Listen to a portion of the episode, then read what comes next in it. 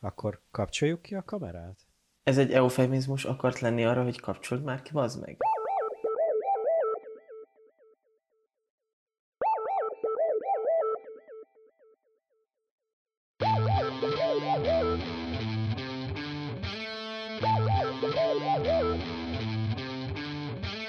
Na hát üdvözöljük a kedves hallgatóinkat és követőinket, ez lesz az új főcím intrónk és zenénk, ahogy azt már megszokhattátok, de valamivel jobb minőségbe.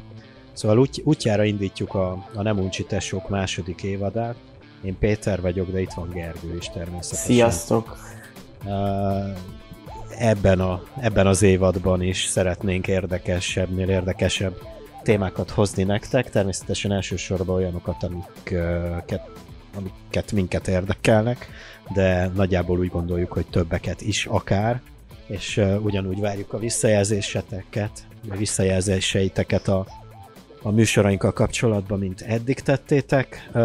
Ugye talán ami a legfontosabb, ezt ezt beszéltük Gergővel erre a műsorra felkészülve, vagy a témákat megbeszélve, hogy nem fogjuk ezen túl reklámozni a bénasságainkat, főleg, hogyha nem készültünk fel valamilyen témából, ezt nem tesszük szóvá, úgyis észreveszitek, hogy néha milyen bénák vagyunk, vagy akár uh, nem csak néha, illetve, illetve még az lesz fontos, uh, amire oda szeretnénk jobban figyelni, hogy, uh, hogy ne nyújtsuk túl hosszúra a műsorokat, hogy ne legyen uh, annyira megterhelő ezeket visszahallgatni. Úgyhogy nagyjából ilyen uh, hát másfél, vagyis 90 perc és 100 perc között tervezzük majd a műsorokat, egy olyan 30 perces, maximum 30 perces, uh, uh, 30 percet ölünk egy témában nagyjából.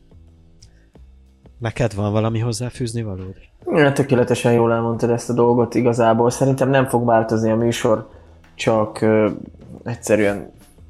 Egyszerűen vérprofik szeretnénk lenni. Így van, hát ha nem is vérprofik, hanem, hanem uh, nem hívjuk fel a figyelmet arra, amire nem kell.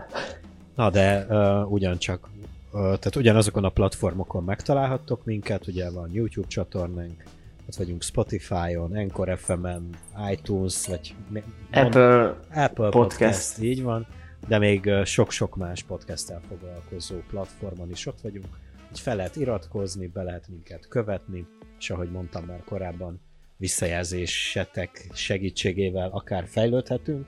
És ugye volt neked egy ötleted a múlt héten, nem, nem emlékszem meg, most nem beszéltünk a felvétel előtt, hogy ezt mikorra tervezzük ezt a, ezt a Patreonos dolgot, vagy ez még... Ez uh, helyezzük így kilátásban, mindenképpen szerintem el fogjuk indítani előbb vagy utóbb, hogy mikor, nem tudom, de előbb-utóbb egy Patreon felületet is létrehozunk annak az adásnak, és ha valaki nagyon úgy érzi, hogy ebbe szeretne patronálni minket, akkor meg lesz erre a megfelelő felület. Meg majd beszélünk róla, hogy ez mi, mit is jelent, hogyha valakinek ez netán egy olyan téma, amit még nem tud, vagy nem ismer, de mégis szeretne nekünk segíteni, hogy minél jobb minőségű műsorokat csináljunk, de természetesen enélkül is igyekszünk e felé hajlani, vagy ezzel munkálkodni. Na hát hoztunk már is témákat, és uh, talán az első témánk azért is uh, jutott az én eszembe, mert hogy uh, május óta, mióta nem találkoztunk, uh, igazából, ha jól emlékszem, azért uh, álltunk le nyára, mivel hogy nekem lett volna egy uh, munkaprojektem, viszont ez ellenében pedig jött egy költözéses projekt, úgyhogy én most visszaköltöztem a szülővárosomba, az elmúlt négy és fél öt évet más városban laktam, és igazából erről szeretnénk egy picit beszélgetni, hogy nekünk, illetve ahogy a mi környezetünket, vagy a ma, mai fiatalokat látjuk, vagy érezzük, hogy mi fontosabb. Ugye régebben talán a saját lakás volt a fontosabb, uh, aztán, aztán már inkább a, az ilyen albérletben lakás, illetve hát ehhez, és az ehhez tartozó költözés, ugyebár ez a mai első témánk így címszavakban. Ez a régebben a saját lakás volt fontosabb, erre azt érted, hogy régebben az volt a fontosabb, minél hamarabb gyűjtsünk össze egy saját tulajdonú ingatlanra? Így van, pontosan, pontosan. Szerintem, hát egyértelműen igazad van abban, hogy régen a saját lakás volt a fontosabb, amíg ez mondjuk ezelőtt egy 25-30 évvel sokkal beláthatóbb dolog, dolgot jelentett, én azt gondolom. Uh-huh. Az akkori anyagi viszonyokhoz képest, ha bár azért, ha azt nézzük, hogy 30 évvel ezelőtt, a 90-es évek legeleje, a rendszerváltások vége, akár Magyarországot nézed, akár Romániát, hogy milyen gazdasági helyzetben álltak az országok, valahogy mégis az volt, hogy, hogy nem tűnt egy beláthatatlan helyzetnek az, hogy én, kis József, szerzek egy ingatlant, ami teljesen az én tulajdonom lesz, nem fogok neki, vagy nem fogok utána tartozni sem az államnak, sem valami banknak, sem valami más uzsorás embernek. Az enyém lesz, úgymond jól körbekerítem, tudod, mint gazda, aki bekeríti házát, és akkor élem a boldog kis világomat az én kis házikomban. Ez mondjuk 30 évvel ezelőtt jelentett egy összeget, és szerintem manapság ez az X összeg. Ez az X a másodikon vagy tizediken. Hát igen, hogy, hogy a tízszeresét is jelentheti Aha. akár, és még mindig ö, nem feltétlen egy hű, de hiper-szuper kacsalában forgó ingatlanról beszélünk. Tehát, hogy, hogy fontosabb lette, szerintem most is lehetne akár ugyanolyan fontos, hanem inkább sokkal reménytelenebb, sokkal távolabbi, délibább-szerűbb kép lett. De én látok egy ilyen összefüggést ezzel kapcsolatban, hogy most nem csak az elmúlt 30 évre visszavetítve, hanem akár 100-200 évre visszamenőleg is, ugye mondjuk régebben az emberek mondjuk nem utaztak annyit, mint manapság, vagy nem, nem volt annyi más olyan dolog, amire annyi pénzt költsön, mint egy saját házra. És a saját ház, mivel nem utazott annyit, az egy biztos pont volt, ahova aztán felépítette a családját, illetve a gazdaságát, stb. stb. Ez is igaz. Mondjuk az tény, hogy gondolom ez a minden, nagyon jó mindig rásütni a fogyasztói társadalomra egy revolvert, vagy ráirányítani egy reflektort, hogy ez is a fogyasztói társadalom hibája vagy azoké, akik a fogyasztói társadalmat felépítették, de tény, hogy régebben nem, tehát mondjuk 30 évvel ezelőtt nem volt fontos, hogy legyen iPhone-od, hogy legyen laptopod, hogy legyen személy számítógéped otthon, hogy legyen egy 4K-s tévéd, hogy legyen ö, ilyen-olyan dizájnos ö, naplótartó, zé, mindenféle ilyen fancy dolgok, amitől te úgy érezted magad, hogy hú, BPA-mentes üvegű kulacsom van, nagyon menő vagyok, tehát egy normál kulacs kerül 2000 forintba, a BPA-mentes kerül 13 ezer forintba, rögtön ki lehet érte a kicsit több mint hatszor annyit adni, és de menő vagy, és környezettudatos. Hát igen, és mikor, mikor ezeket a kötelező kellékeket nem vásárolod meg, akkor hirtelen rájössz, illetve ha megvásárolod, de mondjuk ennek kapcsán tudom hozni azt, hogy nagyjából másfél éve követem havi szinten, vagy heti szinten rendszeresen beírva a saját fogyasztásomat, legyen ez bevásárlás, legyen ez alkoholfogyasztás, legyen ez bármilyen elektronikai berendezés beszerzése, így azért amikor beírogatja az ember precízen hétről hogy miket költött el, és meglátja a végeredményt így a hónapok végén, azért néha hogy lefordulok a székről, hogy úristen, mennyivel tudatosabbnak gondoltam magam is, és hát én már tudatosabban verem el a pénzt, mondjuk úgy, hogy kifejezetten konkrét, tehát így tudattalanul hülyeségeket nem vásárolok, teljesen tudatos, tudatos. hülyeségeket vásárolok meg, szükség, tudatos, hát hogy szükséges, nem szükséges, nem tudom, de hogy amikor kiszámolod, hogy ha ezeket nem vásárolnám meg, akkor rögtön azért elgondolkozok azon, hogy nem lenne rossz, hogyha ezek az összegek még mindig a markomat ütnék. Uh-huh. Uh, azt azért mondjuk el a hallgatóknak, hogy egyikünknek sem volt eddig élete folyamán saját háza, lakása, panellakása, blokklakása. Így van. És ezt még nem tudjuk, hogy lesz-e. E, igen, ebben nem akartam belemenni, hogy és valószínűleg nem is lesz.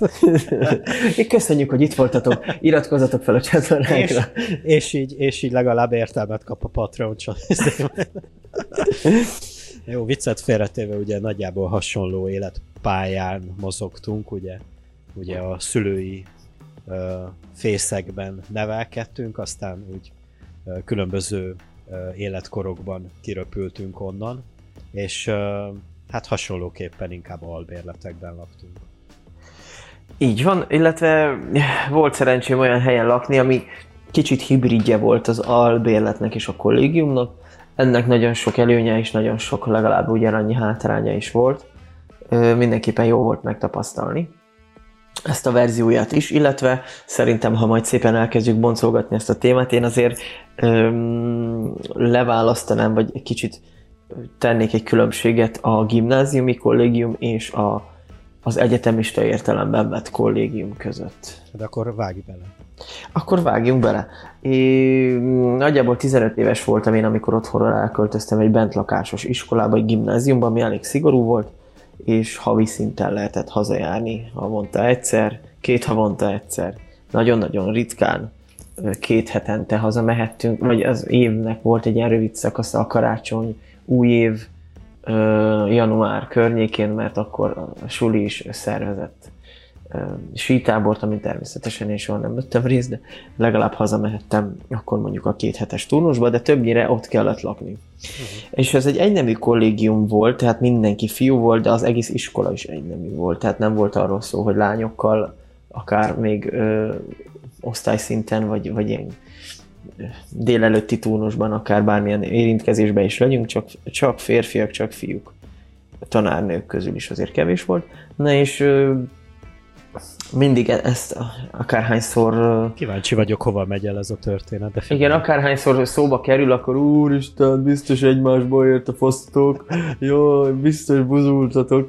Én azt gondolom, ezért tennék különbséget az egyetemi és a, a gimnáziumi kolesz között. Szerintem a gimnáziumi kolesz nekünk inkább hasonlított egy katonaságra, mint, mint mondjuk egy, egy ilyen buli helyre. Mhm. Mégis, mivel hát egyrészt szigorúan voltunk fogva, másrészt akkor serdültünk és próbáltunk lázadni. Igyekeztük a lehető legtöbb lehetőséget megragadni arra, hogy, hogy kirúgjunk a hámból, hogy valami trógerságot csináljunk, hogy valami bulit csináljunk, és, és hát azért az első év az úgy kezdődött, hogy 35-en egy helyen aludni. Egy légtérben ráadásul, tényleg mint egy kaszárnyába. Szerintem mi, bármilyen nehezen alvó ember is vagy, elérkezel a fáradtságnak arra a pontjára, amikor azt mondod, hogy most már mindegy, akkor is alszom. Ez nekem szerintem ilyen két-három hét után állt be, mert én szerintem nehéz alvó voltam fiatalabban, de elértem azt a fáradtságot, hogy már nem érdekelt, hogy ki ugrál körülöttem a, a, a éjszaka, vagy ki hepajkodik, akkor is el tudtam aludni, és szerintem ez egy nagyon jó lehetőség volt arra, hogy az ember megtanuljon tolerálni, meg, meg az inger küszöbét nagyon messzire kitolja. Pont ezt akartam kérdezni, hogy ez mennyiben segítette a te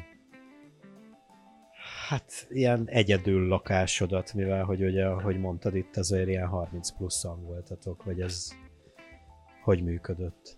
Szerintem az egyedül lakást maga a folyamat segítette, hogy ott laktunk. Inkább annyi, hogy az inger küszöbök, illetve a, a tudod, van, aki nagyon háklis a bármiére, hogy elmész hozzá, de akkor ne ott aludjál, vagy ne úgy ülj le, vagy ne úgy szuszog léci, vagy ne oda tedd a poharat, stb. Ezek, ezek szerintem nálam ott, ott így elvesztek. Uh-huh.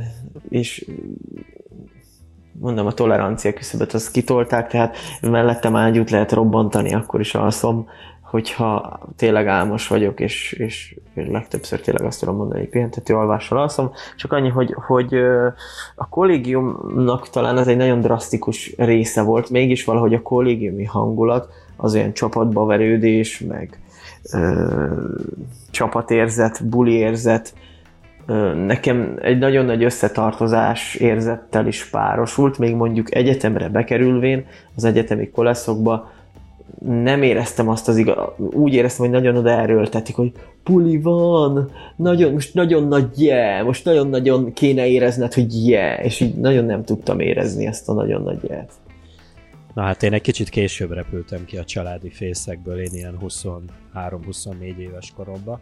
Akkor két uh, kedves barátommal költöztem össze, viszont ők lányok voltak uh. veled ellentétben, de nem, nem kb. ugyanannyi szexuális élményem volt velük, mint neked a, 34 másik uh, honfitársaddal.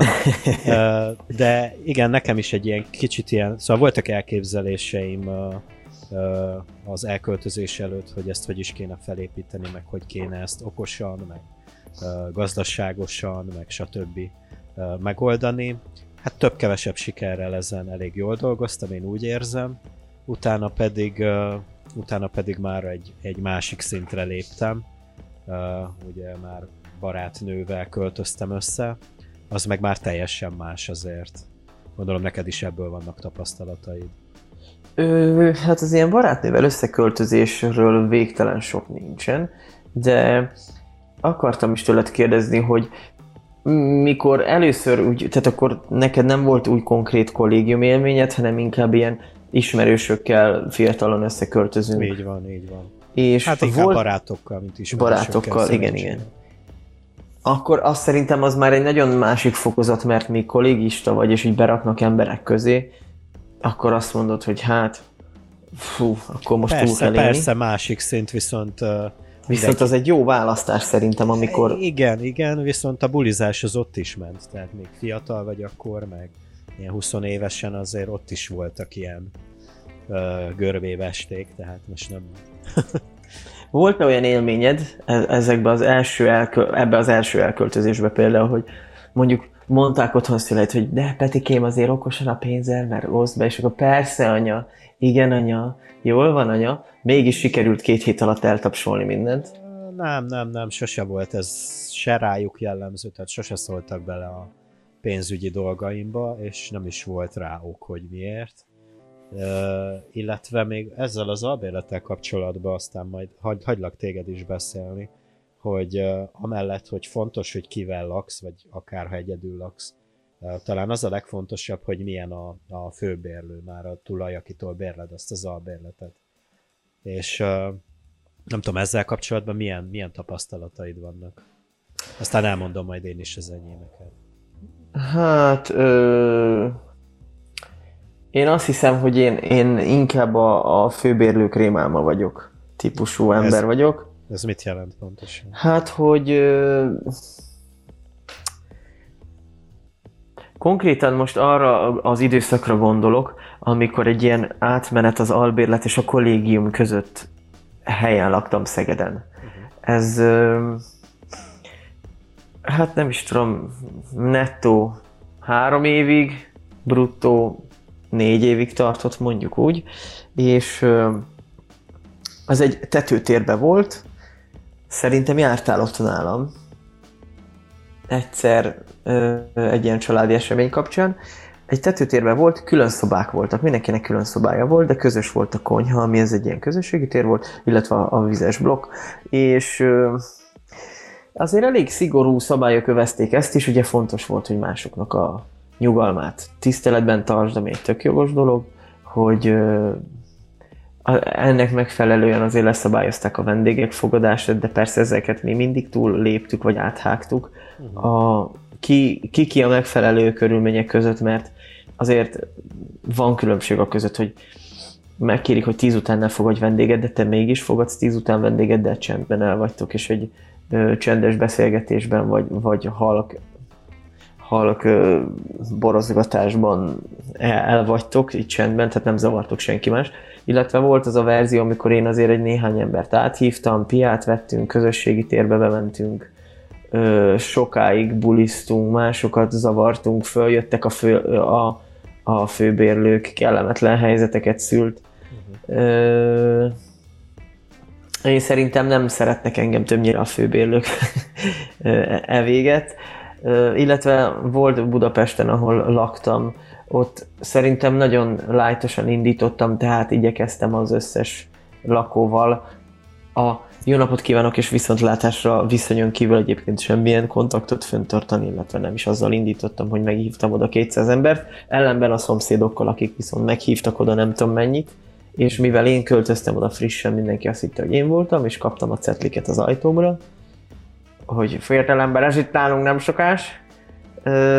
Főbérlőkkel kapcsolatban én azt gondolom, hogy hogy nekem lehetnének jó tapasztalataim, de inkább rossz tapasztalataim vannak, de az többnyire nekem köszönhetők ezek a rossz tapasztalatok. Nem tudom, hogy nálad ez hogy zajlik, vagy hogy zajlott. Pont most összegeztem, hogy ez a negyedik hely, ahol albérletben lakom. Ö, eddig kopogjam lesz sehol, tehát minden, mindegyik helyen tök jó fej ö, tulaj volt, főbérlő, hívjuk ahogy akarjuk. Tehát velük sose volt probléma. Talán az első albérletben voltak problémák a szomszédokkal, néha.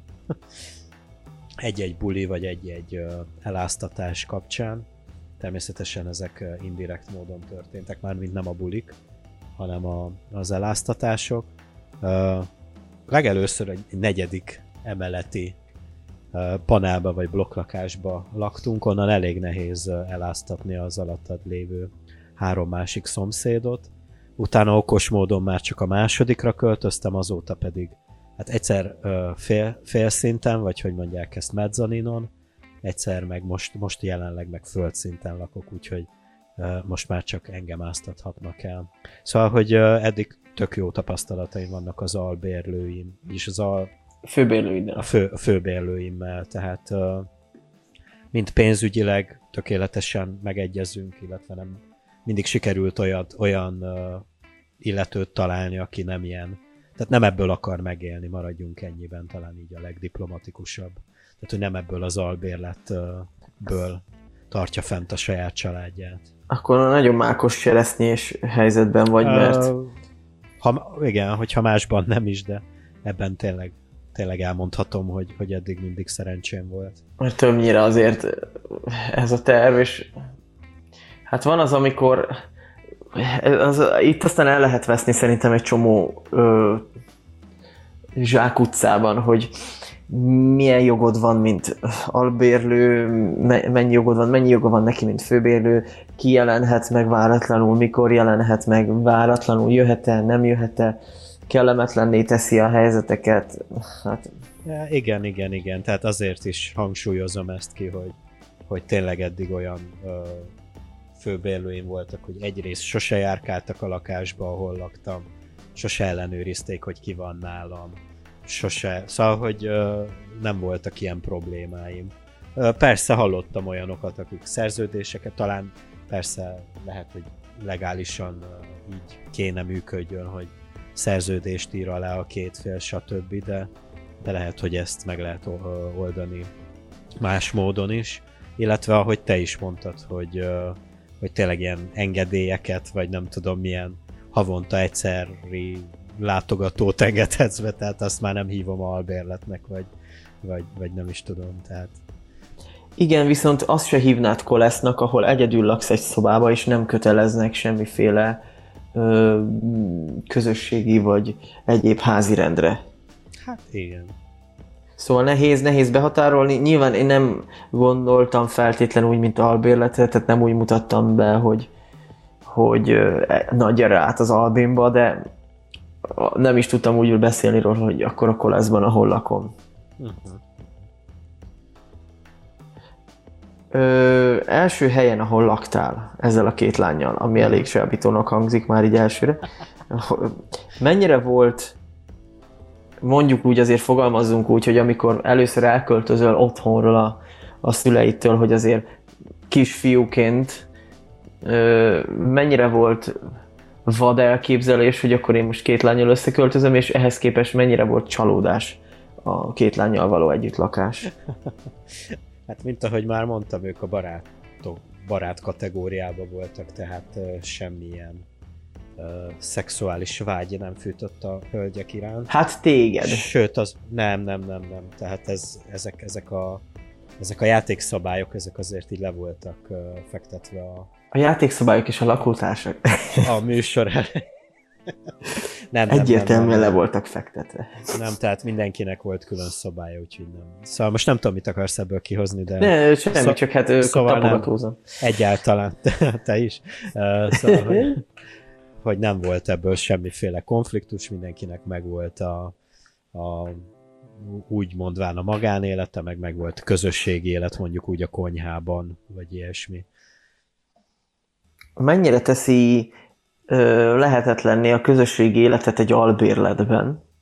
nem is a közösségi életet, a magánéletet egy albérletben, ha mondjuk különböző neműek az ott lakók, vagy akár azonos neműek, de van mindenkinek mondjuk partnere. Vagy az egyik félnek partnere van, és hogyha nyilván, ha valakinek partnere van, akkor nem csak kártya partnerként, vagy ebéd, vagy étel partnerként működnek egymáshoz képest, hanem valószínűleg szexuális partnerként is. Hát ezt mindenki a saját négy fala között csinálta, tudod. De természetesen ez tud működni, hát ez nem nemtől függ, hanem az emberektől függ. volt, volt ilyen helyzet is, hogy éppen a három együtt lakó embernek mindegyiknek volt partnere, és hogyha azok kettesbe akartak lenni, akkor kettesbe voltak, ha meg a közösségi térbe voltak, akkor a közösségi térbe voltak, szóval hogy ebből sose voltak problémák, vagy, vagy, vagy én már nem emlékszem ilyen jellegű problémákra. Akkor valószínűleg nem voltak nagyok a problémák, hogyha Igen. nem meg. Vagy, vagy lehet, hogy voltak, csak így elfolytom magamba, és nem akarok róla beszélni. Lehet, hogy olyan mélyen taposod le. nem, amúgy nem volt. Uh, amúgy amúgy uh, a, azon agyaltam még, hogy uh, mikor felmerült a, a, az előző uh, lakásból való elköltözés, akkor mindenképpen az volt számomra a legfontosabb, hogy uh, hogy uh, nem mással költözzek össze. Tehát miután már együtt laksz a barátnőddel, vagy a feleségeddel adott esetben, és utána mondjuk történik egy szakítás, egy vállás, akkor valahogy úgy nem tudod elképzelni, hogy megint egy, egy barátoddal költöz össze, hanem, hanem, hanem utána már inkább egyedül szeretnél lakni, vagy, vagy adott esetben majd a következő barátnőddel. Nem tudom, e, erre, erre te mit, vagy erről mit gondolsz? Teljesen egyetértek ezzel, bár ezt mondjuk így nem beszéltük meg előre, de én azt hiszem, hogy, hogy ez hát nem tudom, aszociális lehet nevezni azt, amikor például eszembe jutott, hogy ugye fogtunk, majd megbeszéltük, hogy beszélünk a kollégium, albérlet, saját lakás, stb. és eszembe jutott ennek kapcsán, hogy egyszer hogy az én testvéremet azért nem vették fel valamelyik kollégiumban, mert nem volt elég proaktív.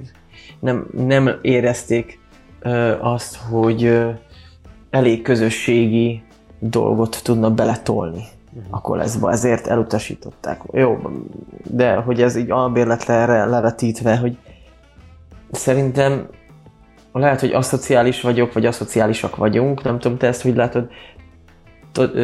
Én tökéletesen jónak érzem azt, hogy egyedül lenni, relatíve sokat egyedül lenni, a saját társaságomban, mert az nem egy rossz társaság, legalábbis nekem. Ja, nem egy ezzel rossz. én is így vagyok. És, és hogy olyan jó tud lenni, amikor nem kell a fogadat szívva, vagy a fejedet vakarva azon a gyaj, hogy hogy fogod valakivel közölni, hogy neked valami hogy nem tetszik, vagy miért nem tetszik, hanem egyszerűen fölteszed a lábad, lehajítod azt a büdös zoknit, félre rakod azt az újságot, ki, ott hagyod azt a chipses tálat, és úgy érzed, hogy az univerzum tökéletesen rendben van. és Leg, azt hiszem, hogy sokat éltem. Az a, az a mikro az a mikrouniverzum. Hát az a mikro, igen, az a mikrokozmosz. És hogy ö, sokat éltem másokkal együtt, és szerintem sokat laktam egymagam is, és nagyon tudom élvezni az egyedül létet, és nagyon tudom élvezni a másra nem vágyást is. Uh-huh. Szerintem ez, ez tökéletesen rendben van. Most, hogy így Azért volt-e olyan az életedben, ha már albérlet, hogy mondjuk egyszer elköltöztél otthonról, haverokkal, másokkal egyedül, és hogy beleszorultál egy olyan helyzetbe, hogy visz, igenis vissza kell menni egy néhány hétre, hónapra a szülőkhöz.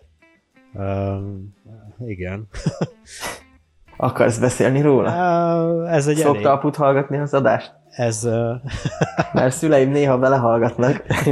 Ak- ak- akkor ugyanott vagyunk.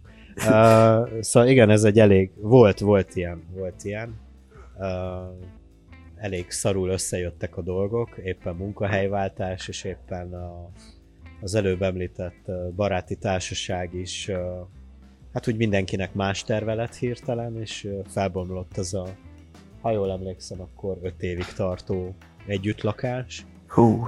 És na igen, és akkor volt egy, ha jól számolom, két év, amikor kénytelen voltam a bár ha hallják, akkor majd szétverik a fejemet. Szóval, hogy kénytelen voltam visszaköltözni hozzájuk, mert nem volt olyan, olyan opció, hogy, hogy egyedül tudjak kivenni egy másik albérletet. Akkor tájt. Hát nehéz időszak volt, ezt, ezt be kell valljam, nem volt a ked- az életem kedvenc időszaka, de, de na hát végül is valahogy meg, megoldódott az is. Uh, várjam, ezzel kapcsolatban én is akartam valamit kérdezni, de ezzel te is voltál így, ugye? Ö, így van, ugyanígy munkahelyváltás, de családban mindenki más is alkotott nagyon érdekes dolgokat, és akkor em ezt itt hagytam már, mint ezt a munkahelyet, amaszt bevállaltam, jóval kevesebb pénzért, közben hazaköltöztem. Hát azért na, megterhelő. De belegondolva, most nyilván egy szülő mindig azt mondja, hogy persze kisfiam, bármikor szívesen látunk téged, hát te az a kis gyermekünk, jó, de azért nekem még nem volt gyermekem, de azért hogy most, hogyha így hirtelen lenne a semmiből, akkor azért így, hát mit mondjak, de nagyon átalakítaná az életemet. És nyilván egy gyerek úgy kezdődik, hogy 0-24-ben nem tudod elengedni, mert egyszerűen képtelen életben maradni, jó formán, még szarni is képtelen nélküled. Majd eljön az a rész, hogy kirepülnek, és szerintem minden egy ilyen könny- könycsepp elmorzsolós, fészek hagyós ö, momentumban van egy ilyen kis fellélegzés, és hogy ah, végre megint egyedül egy picit. és szerintem, ahogy nekem sem a me- legmegfelelőbb a szüleimmel összeköltözni, azért szerintem a szüleimnek sem a legmegfelelőbb velem újra összeköltözni. Sőt. Sőt, lehet, hogy talán, talán több bogárral rendelkezem, mint ők, vagy nem több bogárral, csak sokkal nagyobbakkal, kevesebbel, de nagyobbakkal. És hangosabbakkal. Vagy, vagy hangosabbakkal, vagy teljesen másokkal, de azért igencsak el tudja kezdeni dorálni egymást sok olyan ember, aki már átesett a fiatalságon, átes, vagy a serdülőkoron, kialakult egy valamilyen személyisége, egy valamilyen elképzelés, attól függ, hogy milyen, egy, milyen dolgokból származó elképzelések, és akkor újból összeengedni a csapatot nem tudom hány év kihagyás után, hát na, mindenkinek nehéz az tény. És uh, talán van még itt egy része, talán is zárásképpen ennek a témának, hogy egy dologról nem beszéltünk, a saját lakásról. Uh, neked erről milyen elképzeléseid vannak, vagy, vagy hogy látod ennek a Hát, Már kuncog, jó van. Nem tudom. Tulajdonképpen nem szoktam ezen gondolkozni. Illetve volt már ott egyszer egy olyan opció, valakivel így beszélgettünk, de nyilván ez az ő ötlete volt, tehát nem részemről merült fel. Eleve, ugye van egy ilyen kétélű kard ebbe az ingatlan birtoklásban.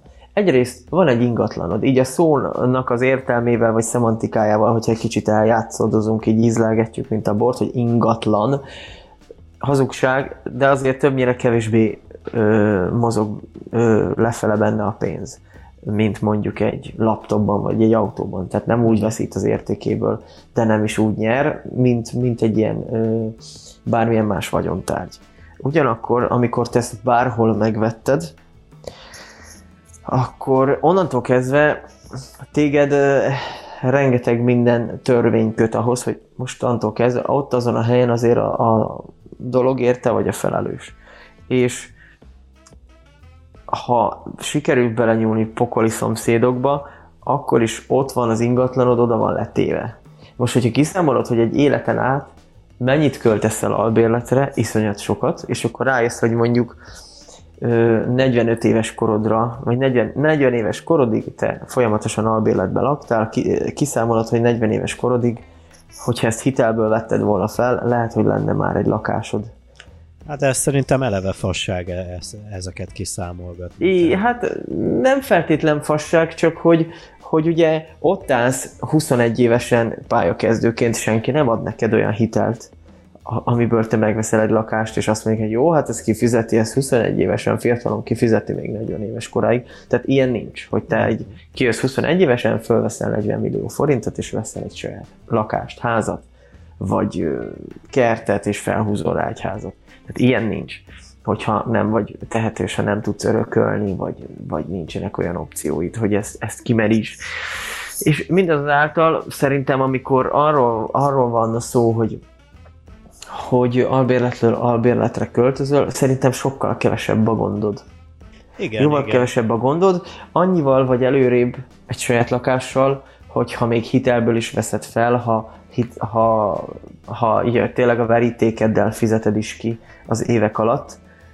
Ugyanúgy az albérletért is dolgozol, csak azért nem te vagy a felelős, míg a végén esetleg úgy dobod fel a pacskert, hogy a gyerekeidre tudsz hagyni egy házat. Igen, Ennyi pont, a különbség. pont ezt akartam én is megfogalmazni, hogy hogy az elején ugye azzal kezdted, hogy a fogyasztói társadalom, de azért nekünk is van egy bizonyos kényelem érzetünk, és talán egy, ez, ez egy ilyen felel, vagy bár nem tudom, hogy ez mennyire felelősség az, amit felvállaltál, hogy ugye egy, egy saját házzal, ugye mit tudom én 40 évig, 85 éves korodig fizeted a, a, a törlesztő részletet, vagy a banki hitelt, már ha élsz addig egyáltalán, és hogyha nem, akkor meg majd a fiad, lányod, unokát fogja majd befejezni a, a izének a kifizetését, és igen, ez, ez valószínűleg kényelmesebb, és felelősségmentesebb albérletek tömkelegében eltölteni az életedet.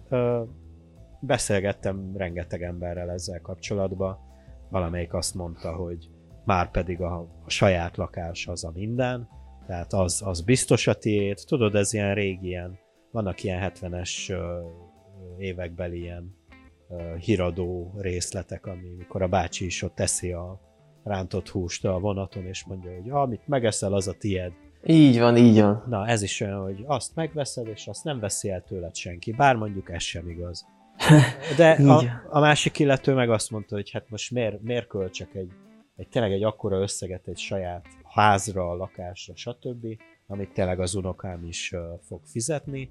Így meg, uh, így meg lehet, hogy hosszú távon uh, nem éri meg, viszont uh, nem tudom, ki gondolkozik, vagy ki tud úgy élni, hogy most tudja, hogy 40 év múlva hol fog lakni, vagy, vagy, vagy, vagy ilyesmi. Hát ez szerintem ilyen kicsit ilyen elvárás, hogy gondolkoz ingatlanban, mert akkor úgy Abban A- a, a- pénz. a, a, azt hirdeted magadról, hogy te igen, egy felelős ember vagy, te előre gondolkozol, neked terveid, céljaid és hosszú távú ö, betervezett koncepcióid vannak, ami szerintem az ingatlan nélkül is simán lehet. Hát pont ezt akartam én is mondani erre, hogy, hogy, hogy nem, nem hiszem, hogy ez határozza meg az embernek a, a jövő belátását, vagy a, vagy a felelősség vállalását.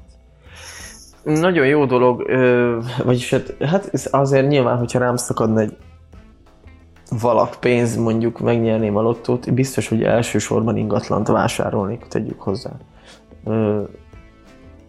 De emellett azért mostanában jönnek, főleg Facebookon velem szembe ilyen mindenféle történetek, amik tök jó, hogy, hogy mások megosztják, és akkor nem a saját bőrödön kell megtapasztalnod azt. Most az jut eszembe, hogy valamelyik nap olvastam. A hölgy próbált tanácsot kérni arra nézve, hogy ők vettek egy házat, oda költöztek a férjével, családjával, de a szomszédban van 12 kutya.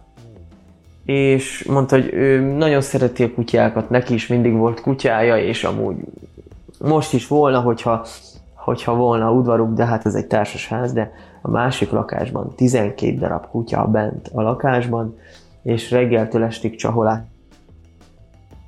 üvölt, ugatás, vinyogás, visítás van, és mit lehetne tenni az ügyben, hogy lehetne beszélni a szomszédokkal. Ugye összeszámolták, hogy mondjuk a mellettük levőben van 12, de a másik oldalon van egy, fölöttem még kettő, alattam egy, tehát így kö- közvetlenül mondjuk egy 20 kutya ugat nekik 0-24-be.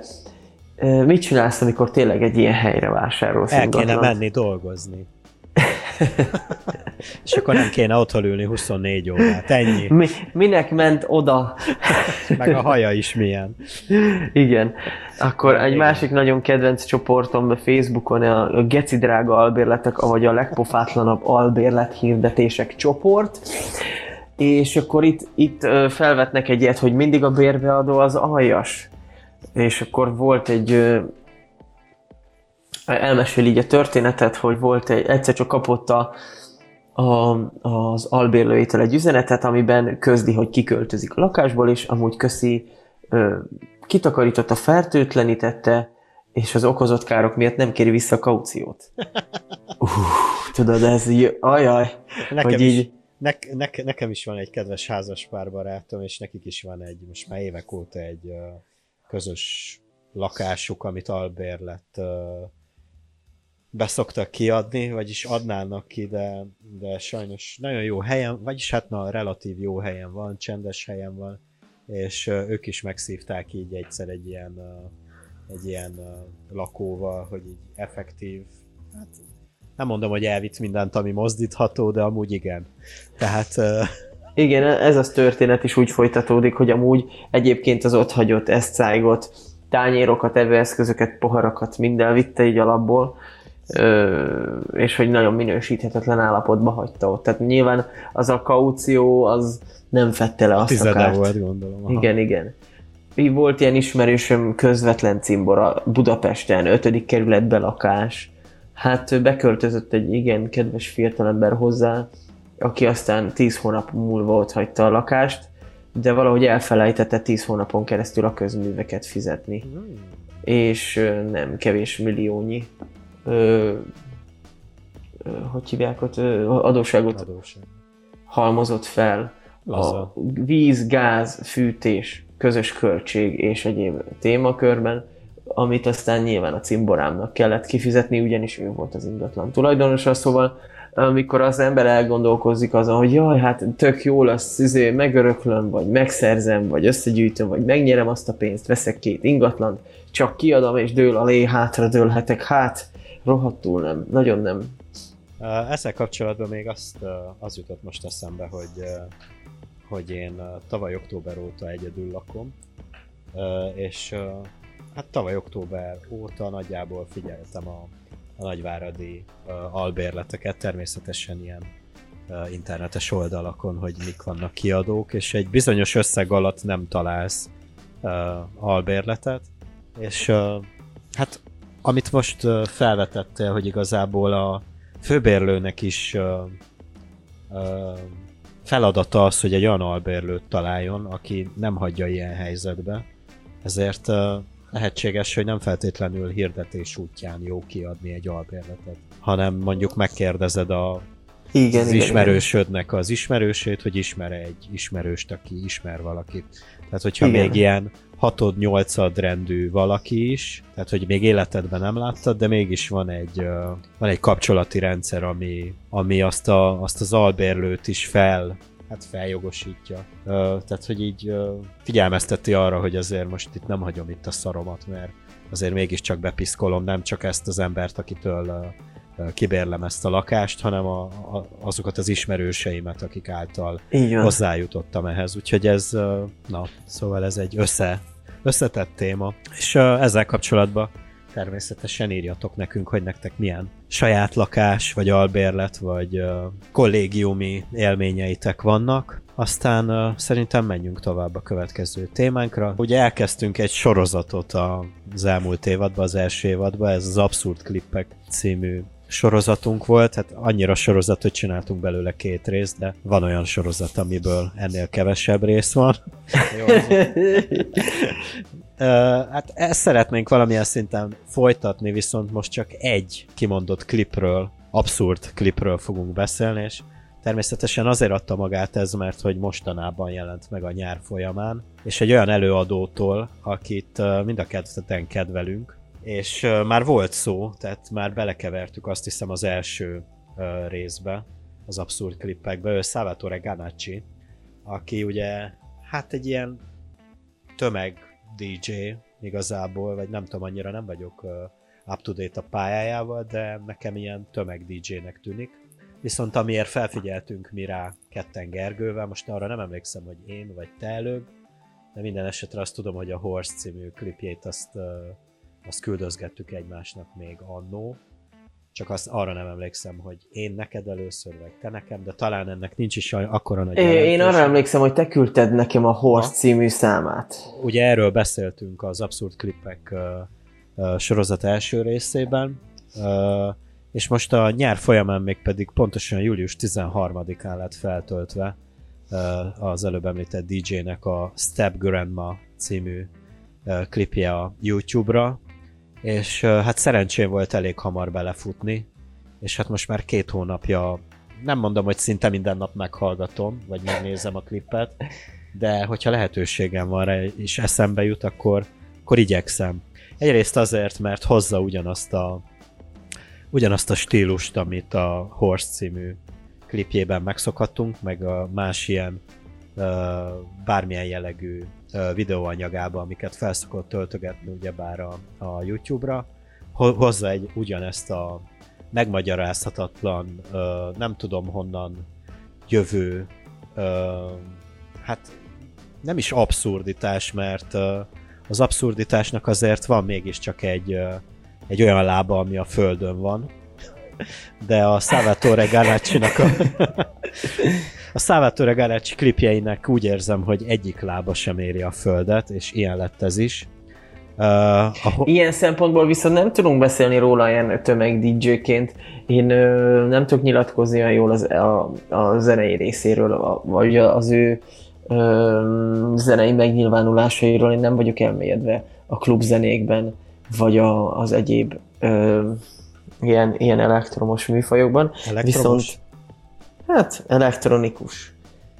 Igazából, ja, igen, de hogy hát már most már kezdek félrebeszélni, mert Szuper. itt a két deci bor. Na, de az, hogy, hogy Ganácsi azért túlmutat azon, hogy egy zené, tehát hogy ő csak így lemegy a klubba és zenét akar csinálni, én azt gondolom, hogy ő, ő egyszerre esetleg, esetleg mondhatjuk azt, hogy egyszerre él lovasa is egy, egy, egy műfajnak, és egyszerre parodizálja is azt, amiben ő tulajdonképpen mondhatni azt, hogy sikeres, vagy nem is, ha nem is a legjobb, de kifejezetten világhírű, és miközben ebben csinálja azt, amit csinál, és jól csinálja, amit csinál, ha a jól csinálja alatt azt értjük, hogy híres lesz, lemezek, vagy, vagy jogdíjak mennek, fesztiválokra hívják, ugyanakkor a csávó szerintem jóval inkább túlmutat ezen, és, és elég sokan tudnak szerint, hát mi is tudunk azonosulni, vagy ha nem is azonosulni, de egyetértünk azzal a fajta hozzáállással, amit a, a videoklippeken keresztül ő valahogy ehhez a zenéhez fűződően szolgáltatni akar. Igen, nem igen. tudom, hogy mennyire konkrét, mennyire átgondolt paródiája ez az ő, ő műfajának, vagy az ő, ő kollégáinak, vagy ennek az érának, ami, amiben, amiben nagyon sokan tevékenykednek. Most így az jut eszembe, hogy van egy ilyen mém, hogy egy ember így rosszul lesz, és akkor összeesik az utcán, és akkor Úristen, valaki segítsen, rosszul van, bocs, én nem tudok, én DJ vagyok, bocs, én is DJ vagyok, ne haragudj, én is DJ vagyok, nem tudok segíteni, tudod, és így állnak körülött az emberek, hogy manapság, amikor DJ-nek lenni nem olyan túl nehéz, közepes DJ-nek lenni valamilyen, nem tudom én, szintet jelent, és akkor jó DJ-nek lenni azért abból is találnak jó párat, és akkor ő beáll a jó dj közé, miközben parodizálja magát is, a műfajt is, meg a többieket is talán, illetve hoz olyan abszurditást, amit tényleg azt mondod, hogy nem, hogy csak az egyik lába, hanem egy lábúja sincs a földön. Igen, hát a klub zenével én sem vagyok annyira otthon, illetve igen, ahol, igen, valószínűleg abban igazad van, hogy talán attól nem válik tömeg DJ-vé, hogy azért van egy ilyen ön, önirónia ezekben a klippekben, és uh, amellett, hogy például el, el, a horszal ellentétben uh, itt kurva jó zene van. Tehát, uh, tehát itt uh, nem feltétlenül csak a, csak a vizualitásra épít, hanem, hanem itt, uh, itt a zene is nagyon jó. És uh, uh, lehet, amúgy, amúgy ahogy az előbb uh, mondtad, a, mondtad a magadét, így eszembe jutott, hogy lehet, hogy még vannak ilyen hasonló DJ-k, vagy, akár zenészek, most épp nem feltétlenül csak ebben a zenei kultúrában, hanem akármilyenek, akik ugyanilyen jellegű klipeket csinálnak, csak, csak azokkal nem találkozunk, vagy nem tudom, hogy te találkoztál-e ilyennel, de a másik fontos része az, hogy ugye általában a viccekben mindig valaki megszívja. És, Attól vicces. Attól vicces, viszont szerintem az, az a vicces, mikor valaki, valaki felvállalja a hülyeségét, a saját hibáit is, vagy a saját uh, gyengességeit, és akkor azt teszi közszemlére, és akkor mi meg azon nevetünk. És ő például szerintem ezt csinálja. És, de olyan kettős módon csinálja, mert olyan érdekes, hogy fölépít egy, egy imidzset, ahogy tényleg, ahogy a Horseban megszokhattuk, a csávó előugrik egy bokorból egy, egy ilyen susigatyás, ilyen divat, ö, ö, most itt Adidas, vagy Nike, vagy, vagy bármilyen setben, hogy tetőtől talpig ez az edzős cucc van rajta, és ö, Szőkített haj. igen, ilyen szőkített haj, stb. Tehát, hogy így előugrik, ö, ilyen nagyon felszínek tűnőbe, de hogy így, így egy pillanatig nem veszik komolyan magát az ember. Na, hát akkor beszéljünk erről a klipről, mit szólsz hozzá? Na hát, Nehéz lesz. ahogy, ahogy mondtad, körülbelül ez is úgy kezdődik, mint a, vagy inkább úgy mondom, hogy úgy folytatódik, ahol abba maradt a Horse, mert ugyanezt a karaktert látjuk, hát nem is csoda, hiszen Salvatore Ganacci-ról beszélünk. Ugye ezt uh, elég egyértelműen az arcunkba is tolja, ugyanis ki, ki is írja nagybetűkkel a klip elején, hogy mit is fogunk látni, és egy erdőből, ugye az előbb, ahogy te mondtad, egy bokorból elő uh, ugrik ez az alak, ebben a füsös, susogós tréning felszerelésbe, és ugyanazokkal a mozdulatokkal elkezd a az avaron mozogni, ugye? A, Az a, zseniális, ahogy csúszik, hogy a lába az így, tehát mi- mint egy ilyen moonwalk jelleggel így táncol, de ő közben halad, mint ahogy a, a 7 mérföldes csizmáján az előzőben. Ez a Step Grandma, az lehet azt mondani, hogy neki vannak más klipjei is, de hogy ez a Step Grandma, ez szerintem kifejezetten a Horse-nak a, a folytatása, főleg, hogy a néni, az lehet, hogy ugyanaz, aki az előző nem, részben. nem, nem, nem, semmiképpen. Nem az? nem, nem, Nézted? Nem. Utána néztem, igen. Mm. Az a néni egy szemüveges fehér hajú, ilyen felkontyolt hajú, ha jól emlékszem. Ez a néni meg egy ilyen sokkal nagymamásabb külsejű, bár akinek felkontyolt szemüveges nagymamája van, az most uh, hordibálni fog velem. Na, hát elindul a főhősünk, és ugye a fák közül megpillant egy házikót, ahol egy néni süteményeket pakol az asztalra, illetve miután kopognak, és elsétál a sezlon mellett, ahova az unokák fényképei ki vannak téve, kinyitja az ajtót, és beengedi az unokáit, ugye bár hát két, hát egy kisfiú meg egy kislány, ugye hagyományos unokákról beszélünk. Kicsit a Jancsi és Juliska jutott nekem eszembe az elsőre, aki az öreg néni. Tehát ha belegondolsz, ebbe szerintem egy csomó meta üzenet van ebbe a Persze, persze, persze. videoklipbe. persze. Tehát, hogy nem véletlenül van az, hogy az erdő közepén egy néni, aki mézes kalácsokat meg süteményeket tesz ki az Aha. asztalra, ahol egy kisfiú és egy kislány megjelenik. De Uh, ami, ami itt nagyon fontos ennél a résznél, ugyebár ahova elértünk, hogy a néni nem nyitja ki egyből nekik az ajtót, hanem ezzel a nem tudom mi ennek a pontos neve, ez a hát ilyen lánczár, ugye amit így beakasztasz az ajtó Aha. egyik oldalára, és a másik oldalán meg fel van szerelve, és akkor nem nyílik ki az ajtó, csak résnyire ki tudod nyitni, és akkor megnézed, hogy ki van az ajtóba. Na a néni így, így nyitja ki az unokáinak az ajtót, idézőjelbe unokáinak, és uh, mikor meglátja, hogy ki van az ajtó előtt, akkor visszanéz a sezlonra, a képekre, mert hogy ugye itt megtudjuk, hogy a néninek a memóriája már nem a régi. igen, de hogy ez nagyon érdekes, hogy egyébként a gyerekek arcán is egyfajta ilyen enyhe rémület van. Hát de vajon miért ez majd a később kiderül? Igen? Aha. Ja jó, akkor... Akkor nem figyeltem eléggé, de okés, okés. Tehát a néni mindenképpen először nyugtázza, hogy akik csöngettek gyerekek, azok, azok a gyerekek, akik az, az előszoba szekrényre kirakott, renget, meg az előszoba falra kirakott rengeteg képen ott vannak a Így van, keretben. így van. Ez, ez erősíti meg a nagymamát, hogy igen, ők az én unokáim, és be is engedi őket, és a gyerekek egyből nekiesnek a frissen az asztalra kipakolt uh, sütiknek. Amit ugye a éles szemű főhősünk egyből kiszúr.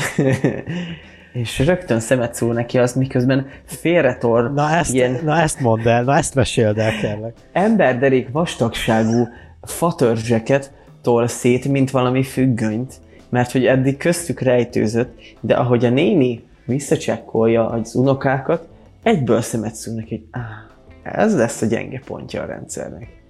És ezek után egy rojtos fülű, ö, ö, hogy hívják, rojtos fülű, molyos, kócos, kitömött mókus a fa tetejéről egy egyszer használatos fényképezőgépet a Ganacsi, ráadásul analóg fényképezőgépet a Na. Ganacsi kezébe ejt. Így van, de várjál, mert itt merül fel az én első kérdésem. Ugyebár mind a ketten foglalkoztunk, vagy foglalkozunk fényképezéssel. Hát, Te, már. várjál, várjál, várjál, várjál. Te ugye inkább a, tehát műveled, úgy értem, hogy te fotózol, vagy fotóztál, Igen, igen. illetve én meg ugye egy fotó ö, üzletbe, egy fotolaboratóriumba dolgoztam, tehát előhívtam pár filmet, ez még ugye az analóg negatívos ö, korszak, és ö, azt magyará, mert ugye úgy folytatódik a történet, hogy mikor főhősünk rájön, hogy hogy is juthat be ebbe a házba, legálisan, akkor ugye beosson éjszaka a nénihez, és ezzel az analóg géppel elkezd olyan képeket készíteni, a sötétbe még egyszer hangsúlyozom, amik, amik olyanok, mintha a napfénybe készültek volna.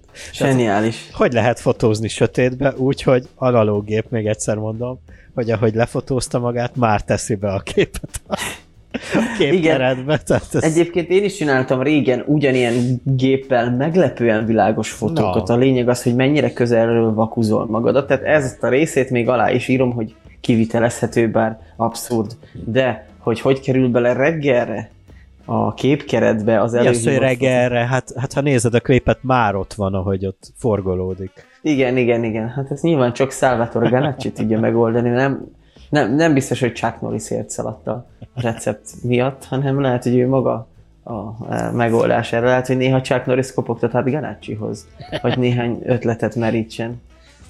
Na, mi lesz ezután?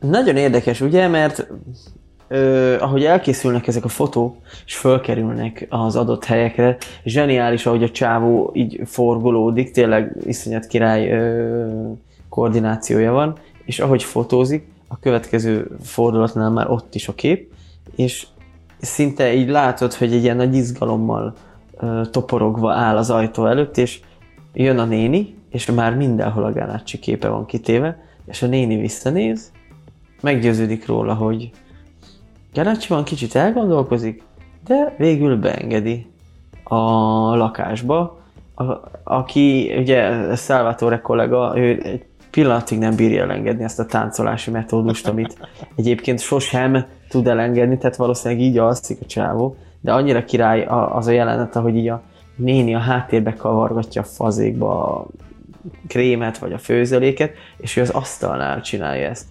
a táncot, miközben rohannak oda a gyerekek. Na igen, mert ez, ez most egy fontos része a történetnek, hogy a, a klip legelején megérkező unokák másnap is meg szeretnék látogatni a nagyit, ugye a, a szokásos süti adag reményében, csak mikor a mami lecsekkolja, hogy kikopogott, és visszanéz a képkeretre, akkor már ugye a Salvatore barátunk képe üdvözli, és így a mama így visszabassza az ajtót rájuk, hát az, az haláli. Vissza, abszolút így rájuk vágja az ajtót, mert hát nincsenek a képkeretbe. Ez a kedvenc részem, az egyik kedvenc részem, hogy így visszanéz, és így pűv, behúzza az ajtót előtt. Na és akkor itt kezdődik ugyebár, a, ugyebár a, az igazi cselekmény. Zseniális, ahogy a megtöltött molotov koktélos üveg a, a, a csávó kezében, mint egyfajta egy ilyen megpörgetett kosárlabda, tudod, de biztos mindenki csinált már olyat, vagy hát nem mindenki, de akinek a kezébe valaha testnevelés óra kapcsán került kosárlabda, csináltál már olyat, hogy így megpörgeted a kosárlabdát, elengeded, és, És így a a, melkasodon végig. Igen, karodon és végig az alkarodon felkar, melkos, és a másik oldalig, ha nem is sikerült végig görgetni, de biztos, hogy próbálkoztál vele. Persze, Na, persze. ugyanez egy molotov koktélos üveggel, de hogy zseniális, ahogy így végigpörög a csávon, a molotov koktélos üveg, mindenféle CGI technológia nélkül, persze nyilván nem más technológia, és a nagyival közösen gyújtják meg, és a, a, azt tetszik benne, hogy egy ilyen szép mahagóni bútor, amin ilyen régi, autentik világítás, meg egy, egy gyönyörű szép írógép áll, a fölött hajítja ki becsukott ablakon, nem, nyitott ablakon, hogy a gyerekekre a molotov koktélt, és űzi el őket. Na és akkor ugye itt jön az első számú katarzis, amikor Szávátoreit most már az övéje a nagyi, meg a lakás, meg az összes sütés, akkor kezdődik az igazi parti. Ugye, hát vannak itt nagyon furcsa jelenetek, talán itt a, amikor a nagyi után a földön így kúszik, ugyancsak a táncmozdulatokkal követi a nagyit. Utána a másik kedvenc, mikor a nagymama fekszik az ágyon, és Szávatóra egy ilyen dobszerkóval így az ágy mellett dobol. és nagyon zseniális, amikor kiveszi a sütőből a kenyeret, ehhez azért produkál olyan mozdulatokat, tudod, mint amikor így valakit így megcsinálnál hátulról, és a kenyér önmagát felvágva szétcsúszik, és természetesen egy kövér szendvicset tartalmaz önmagában, mert az belesütötte a nagyi, mert a nagyi annyira király. Szereti az unokáját. Szereti az unokáját. Felmerül bennem azért egy következő kérdés, egy következő jelenetnél egy...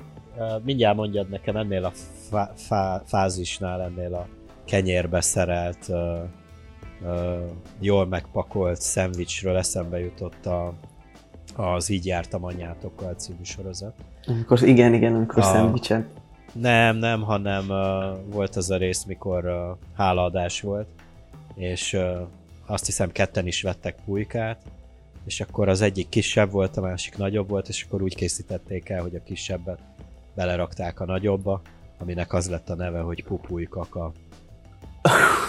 és akkor most erről a kenyér szendvics kombóról most nem tudom, majd esetleg írjatok valami jó ötletet, hogy ennek milyen nevet adhatnánk. Tehát uh-huh, úgy mhm, képzeljétek el, hogy egy óriás ilyen, hát kenyér, cipó, vagy inkább ja, legalább egy ilyen 60 centis hosszúságú ilyen bagettre emlékeztető igen, igen, képzeljétek igen, el. Igen, igen. És akkor ez így a felénél így szétválik, és így szétcsúszik, de benne van egy ilyen jó nagy vastag szendvics, ilyen jó nagy kolbász, vagy felvágott darabokkal, salátával, sajtal. Zseniális. Na, mit szerettél volna most ezután? Hát amikor össze, ugye összenéz a nagyival és a nagyi bólogat, az, az zseniális, de hogy a következő jelenet, amikor így két ujjal benne van egy csészébe. Így én értem a célzást, csak nem értem. Amúgy, ha megállítod ott a jelenetnél a, a videót, látod, hogy a pulcsia is, és a nadrágja is, ha elmosódott van is, de a márkajelzés az, az ő saját arca tulajdonképpen. Igen, tényleg ezt eddig még nem vettem észre. Igen, ez a két ujja ráadásul nem a mutató és a középső ujjaddal, hanem a középső és a gyűrűs ujjaddal való. Mozdulat, ez ilyen elég pornós igen, az egész. Igen, igen, igen, igen, igen. Hogy ez most így mi akar lenni, ez így, ez, ez egy ilyen... Um, hát... Uh, szemen szedett lehet, lehet egy ilyesmit is belemagyarázni, majd a későbbiekben talán kikerekedik a hallgatóknak, hogy mire is gondolunk.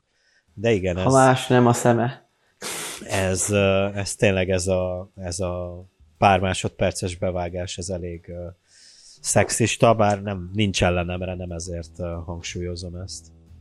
Én se, csak hogy így um, itt van egy ilyen el, el szomorodása a nagyinak. Na várjál, amikor így, igen, igen, mert most jön Amikor így megújazza kvázi a, a, a, a gyönyörű szép, de egy ilyen úgy képzeld el, hogy nem úgy, hogy amit a kisunokának adsz porcelán, hanem ez egy ilyen félrerakott herendi porcelán, amit talán mondjuk nem is veszünk elő akármelyik vendégnek, gyönyörű szép ezüst ö, kanállal a szélén, ki van töltve benne ebbe a gyönyörű szép vékony porcelán csészébe a, a tea, amit úgy újaz meg, mint valami ilyen, ilyen szexuális ö, esemény kapcsán a megfelelő testrész szoktak, és akkor végignyalja az ujját, és hogyha a nagymami így elkomorodik. Nekem, nekem ez nem összefüggő két rész, tehát azt szerintem ez, ez az előző, amit felvázoltál, ez egy különálló rész, mivel hogy a következő vágásnál már átad neki egy tárcát tejjel, meg egy szendvicsel. Tehát, hogy ez már másik jelenet. Nem? I- igen, hogy az már oda tartozna? Nekem, nekem, nekem úgy tűnik, tehát ez a, ez a teás, újazós rész, ez, ez egy ez Én egy a megvilágításból vágás. gondoltam rá, hogy az még oda tartozik. Nem tudom, Lehet, nem, hogy nem neked mondanám. van igazad. Viszont, hogyha megnézed ott a teás cuccnál, a nagymama mögött van egy ö, bal oldalt egy, egy ilyen zöld növény. A Igen? jobb oldalánál meg ö, ö, egy ilyen sötétítőszerűség, viszont a következő résznél meg már nincs ott a növény. Aha, lehet. Látod? Hát, mondjuk. Mikor átadja azt a tárcát a... Ott, Azért- ott már egyértelműen nincsen. De hogy itt... itt, Na, ö, itt, na itt mi történik? Na ez az, hogy ugye step grandma, tehát egy mostoha nagymamiról beszélünk, aki, aki igazából a tudta nélkül lett mostoha nagymama. Tehát nem úgy lett mostoha nagymama, hogy elment és örökbe fogadott egy unokát, hanem ez az, örö, ez az unoka ilyen kakukfióka módjára rúgta ki a fészekből az összes többi utódot, és próbált egyedül a figyelem középpontjába kerülni. És itt van egy ilyen pusziváltás, hogy hát kap süteményt, meg minden egyebet, de valahogy valamit a nagymama érez, amit aztán ő is átvesz. Hát de ez az, Nem, hogy nincs pusziváltás, ugye Salvatore meg akarja puszilni a nagymamát, mert hogy kapott szenyát meg tejcit, de hogy nagymama ettől elvonakodik el, elfordítja az orcáját. Igen, tehát, hogy valami nem stimmel azért, hiába sikerült az összes fotó tökéletesre az éjszaka sötétjében, és hiába kerültek be a kép ö, keretekbe a fotók, tehát Meg úgymond hiába sikerült jól a dobszóló, meg a szenya. Így van, tehát hogy, hogy ezek, ezek ilyen felül, olyan, mint amikor bejutsz valakinek a Facebook vagy, vagy Gmail fiókjába, hogy megszerezted a jelszót, a jogosultságot beléptél, de attól még nem lesz a te fiókod. Tehát megszerezted a jogosultságot a nagymami házához, hogy belépj, vagy hogy beengedjed, ettől még nem biztos, hogy az unokája leszel. Ezt- Ezt a drámát próbálja feldolgozni szerintem itt a, ez a jelenet. Na és akkor a záró képsorok azok, hát talán a záró képsor eleje még nem, de a vége az mindenképpen Ganacsis. Ugye itt a záró képsorban azt látjuk, hogy egy ilyen ö, komód, vagy mi ez? Hát ilyen komódszerűség. Két szélén ugye, nem, nem komód, mi ez már, mondjam már. Hát mit tudom én, ö, Na, hogy hívod ezt? Szófa? Nem, az kisebb. amire ki van, ja, amin ők ülnek, Aha. azt mondod? Ö... Ja, hogy amin ők ülnek. Az nem komód, hát az egy ilyen ö, kanapé. kanapé, ez az. Na szóval a két szélén ül a, nagy, a nagymama, az egyik szélén a nagymama, a másik szélén ugye Salvatore, és uh, hát látszik, hogy fasírtba vannak, megoroltak egymásra, és akkor történik valami. Igen, nem is tudom, hogy... Hát, ugye nekem van egy ilyen érzésem ebbe az egészben, hogy itt, itt azért valamit éreztek, ö, egymással kapcsolatban. Nyilván a nagymama nem, nem volt teljesen tökéletesen ö, meggyőződve arról, hogy, hogy a megfelelő kakuk fiókát szolgálja ki a szeretetével, és hirtelen leesik a nappaliban található kis ö, fotóállványról, vagy hát ilyen, ilyen Képkeretből. az képkeret így, így leborul arról a kis asztalkáról, hova ki van helyezve, és rögtön előkerül, hogy összetörik a fotó, és előkerülnek alóla a kis unokák. És a nagymama a szemébe hirtelen egy ilyen másodperc alatt könyvszökik, és egy lugert előránt így a izéből, a kanapéból egy ilyen második világháborús fra- ö, német ö, kézi fegyvert, és rögtön ráfogja Salvatoréra, aki elegáns mozdulattal azonnal felfordítja a nagymamát kanapéstól mindenestül. De ez már a, szintén a Horst idézi. Tehát Igen, igen, igen, igen, igen, ez a mozdulat, ez hasonló. Uh, amúgy, amúgy egy picit, picit tekerjünk vissza oda, hogy leesik a képkeret, és uh, ugye a Salvatore fényképe mögött ott vannak az előző unokák, de hogy ott még vannak képek, nem? Vagy csak én láttam? Basszus! És tényleg, tényleg. Vagy csak én láttam rosszul? Nem, nem, nem. Tökéletesen jól láttad. Ugyanis nekem, hát én megnéztem párszor, és így röhögtem rajta, hogy haha, mekkora hülyeség. És aztán sokat gyára megnéztem, és a kisgyerekek, akik jönnek, a klip elején mindig azért egy ilyen kétségbe esett, vagy legalábbis bizonytalan arcot mutatnak. Aha. Amikor a nagymamádhoz mész, akkor ezen te nem aggódsz, hát te a nagymamádhoz mész ö, sütit enni, de hogyha nem a nagymamádhoz mész, hanem valaki olyanhoz, akivel megpróbálod elhitetni, hogy te az unokája vagy, ott azért mindig aggódsz, hogy vajon most beválik el a trükk, vagy sem. Ezt És most igen, úgy mondod, mintha ebből tapasztalatod lenne. Hát most így, na, így belemerültem a magyarázatba, szokásom. És akkor összetörik a kép, és igen, basszus, én erre nem figyeltem, én azt hittem, hogy ez a kép hátulja, de ugye nem derül ki, nem látszódik a képen az, hogy ez most a kis képkeretnek a lefogató hátulja, vagy esetleg ez egy teljesen másik fotó. Hmm. Hát... Uh, Ezt így itt hagyják, uh, szerintem. Most, most, most, hogy így jobban megnézem, én meg pont fordítva voltam, én eddig mindig úgy láttam, hogy itt több kép van egymás mögött, de most, hogy így jobban megnézem, lehet, hogy, hogy, hogy én láttam eddig rosszul, és ez tényleg csak a képkeretnek a hátoldala. Én azt gondolom, hogy ez nyitva van hagyva, ugyanakkor úgy van az egész ö, megkomponálva, hogy nyugodtan agyalj ezen rajta, vagy lehet, hogy csak mi agyalunk ezen, de Aha. én azt látom, hogy a nagymama bizonytalansága a gyerekek arcán tükröződő kétség, illetve a tény, hogy össze van törve a kép, és azért ott több minden is van. Ö, nem akarták szerintem ennyire nyilvánvalóan ö, az arcodba tolni, hogy mit tudom én, ez már a sokadik kakukfióka a történetben. Uh-huh. És hát, hogyha akarod oda látod, ha akarod nem látod oda, ez megint csak nem is az abszurditás, hanem inkább a szürrealizmus ebbe az egészbe, hogy ö, hogy hívják, ö, Salvador Dani és Louis Buñuel is csináltak olyan filmet, ugye ez az Andalúziai Kutya című uh-huh. ö, hogy hívják, szürrealista film valamikor a 20-as évek végén, 30-as évek elején, de talán 1928-29 környékén. A lényeg az egésznek, hogy, hogy mindenki megpróbált mindenfélét belelátni, ők meg azt mondták, hogy mi ezt csak megcsináltuk, és azért csináltuk így, hogy kíváncsiak voltunk, hogy kiből mit vált ki. Na és akkor hát ma már azért a, a 2021-ig már elég sok mindent láttunk a világból, de még mindig azért lehet ezt, ezt a, az ötletet folytatni, hogy ezt mi megcsináltuk ilyenre, és aztán olyanná elemezed, amilyenné szeretnéd elemezni.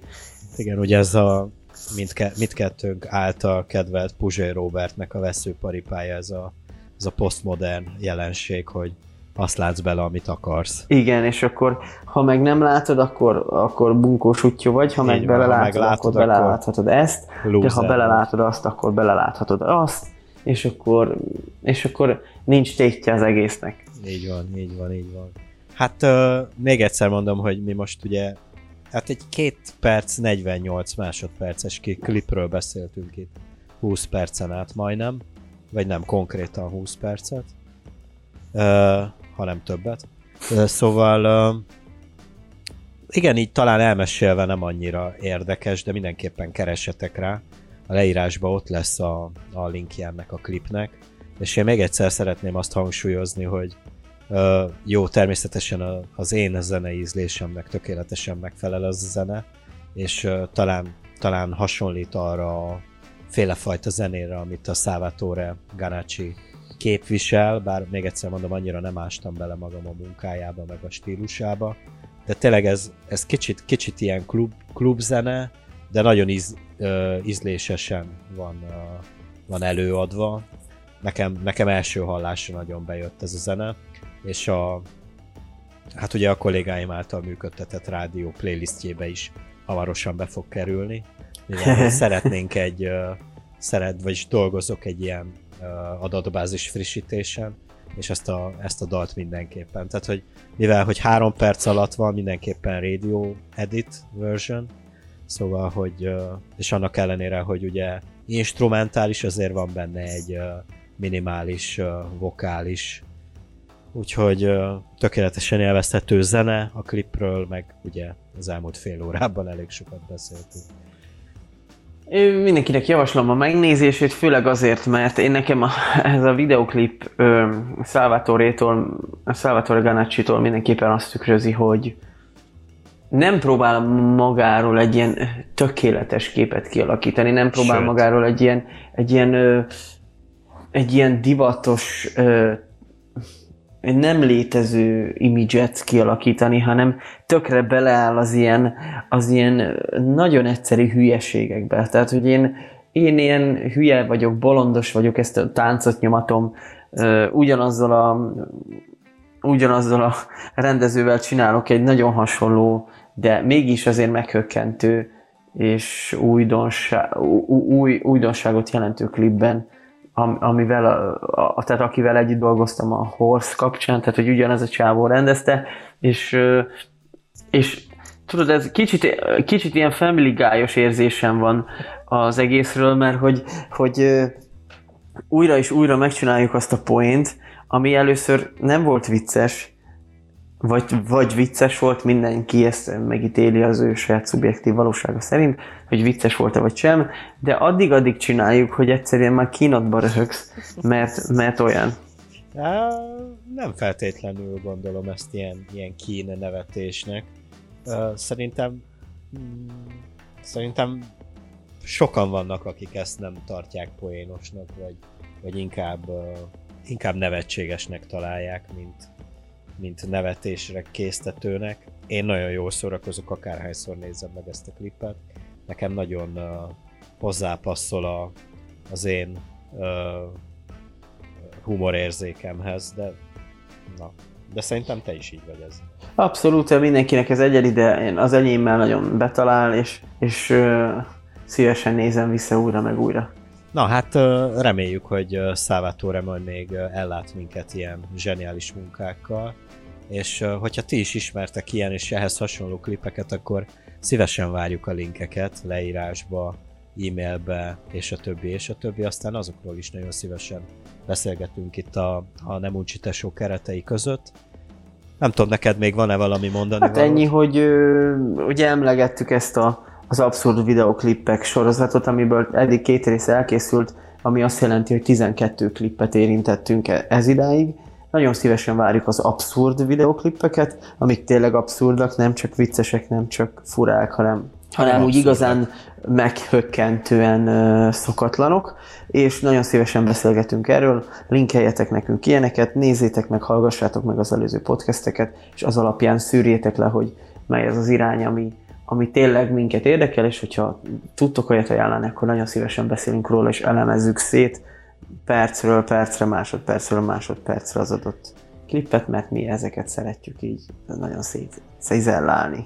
De természetesen, ha bármi más témaötletetek van, azt szívesen fogadjuk, és hogyha olyannak érezzük, hogy tudunk róla beszélgetni, akár több percen át, akkor, akkor, akkor nagyon szívesen gorcsó alá vesszük. Ez lett volna az első része a második évadnak. 13-as szám alatt találjátok meg a YouTube csatornánkon ezt a részt. Igen, ez már a 13. rész. De ahogy a műsor elején is elmondtam, meg ahogy el szoktuk mondani minden adásban, Spotify-on, Encore FM-en, Apple Podcast-en és rengeteg más podcast csatornán ott vagyunk, megtalálhattok minket. Hallgassatok minket, illetve kövessetek be, iratkozzatok fel, nagyon szépen köszönjük, hogyha meghallgattatok minket, és visszajeleztetek, vagy nem, akkor is. Két hét múlva próbálunk jönni, illetve jövünk is. Sziasztok! Sziasztok!